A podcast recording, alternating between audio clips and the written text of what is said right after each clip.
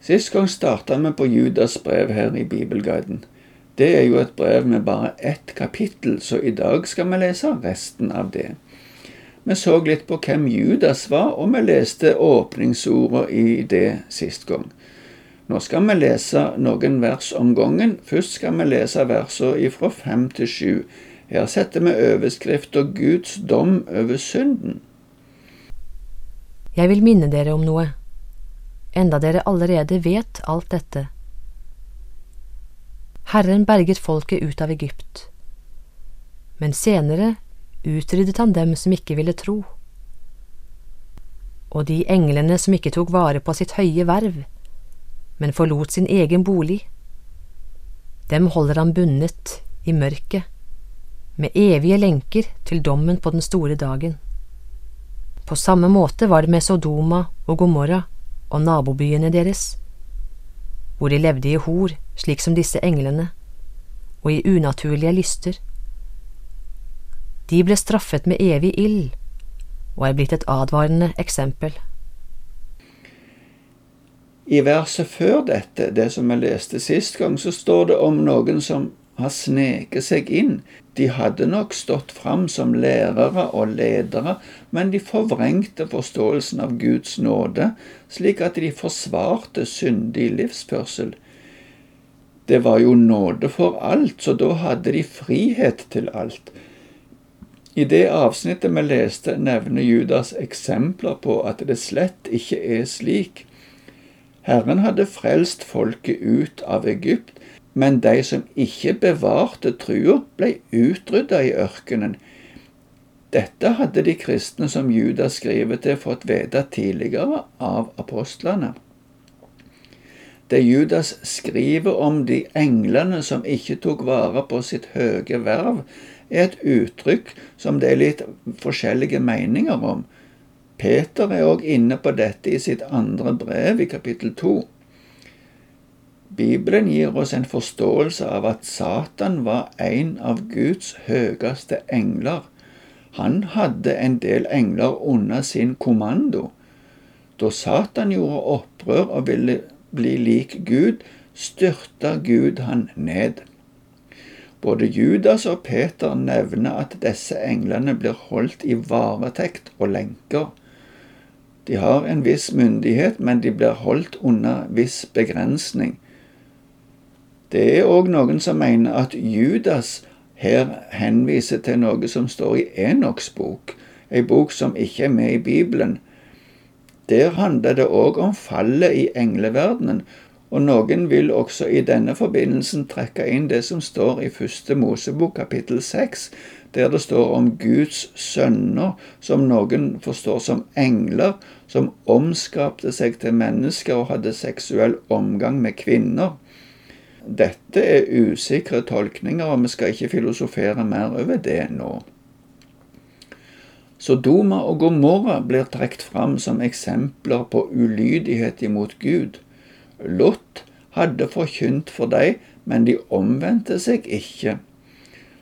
På tross av mange eksempler fra gammel tid på at ulydighet mot Gud fører til dom, fortsetter disse vranglærerne med sin arrogante måte å tenke og lære.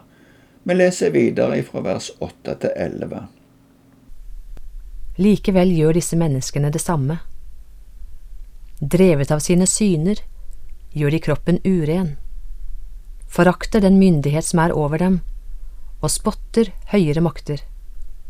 Erkeengelen Mikael våget ikke å spotte og dømme djevelen den gang han lå i strid med ham om kroppen til Moses. Han sa bare, Må Herren refse deg. Men disse menneskene spotter det de ikke kjenner, og det de forstår ut fra naturen, i likhet med dyr uten fornuft.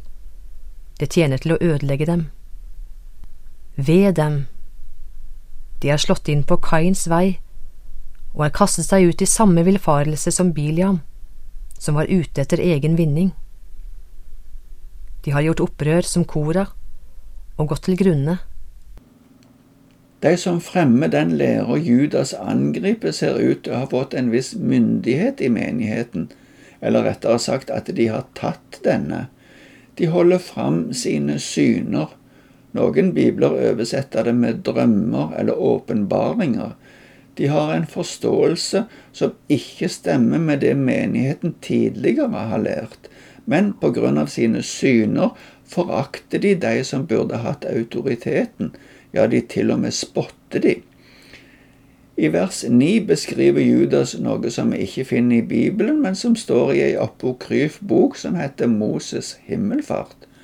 I 5. Mosebok 34 kan vi lese at Moses gikk opp på Nebofjellet og døde der, og Herren gravla han, står det der.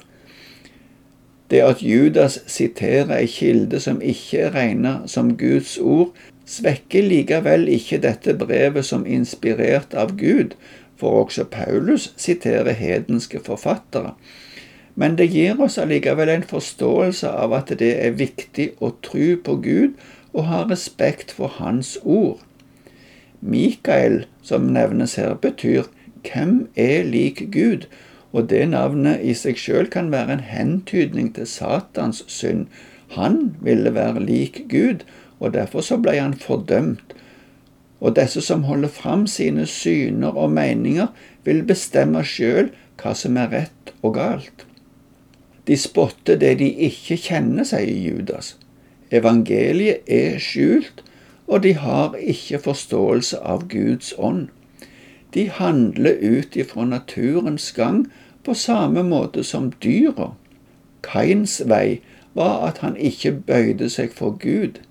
Vi kan lese litt om det i første Mosebok kapittel fire.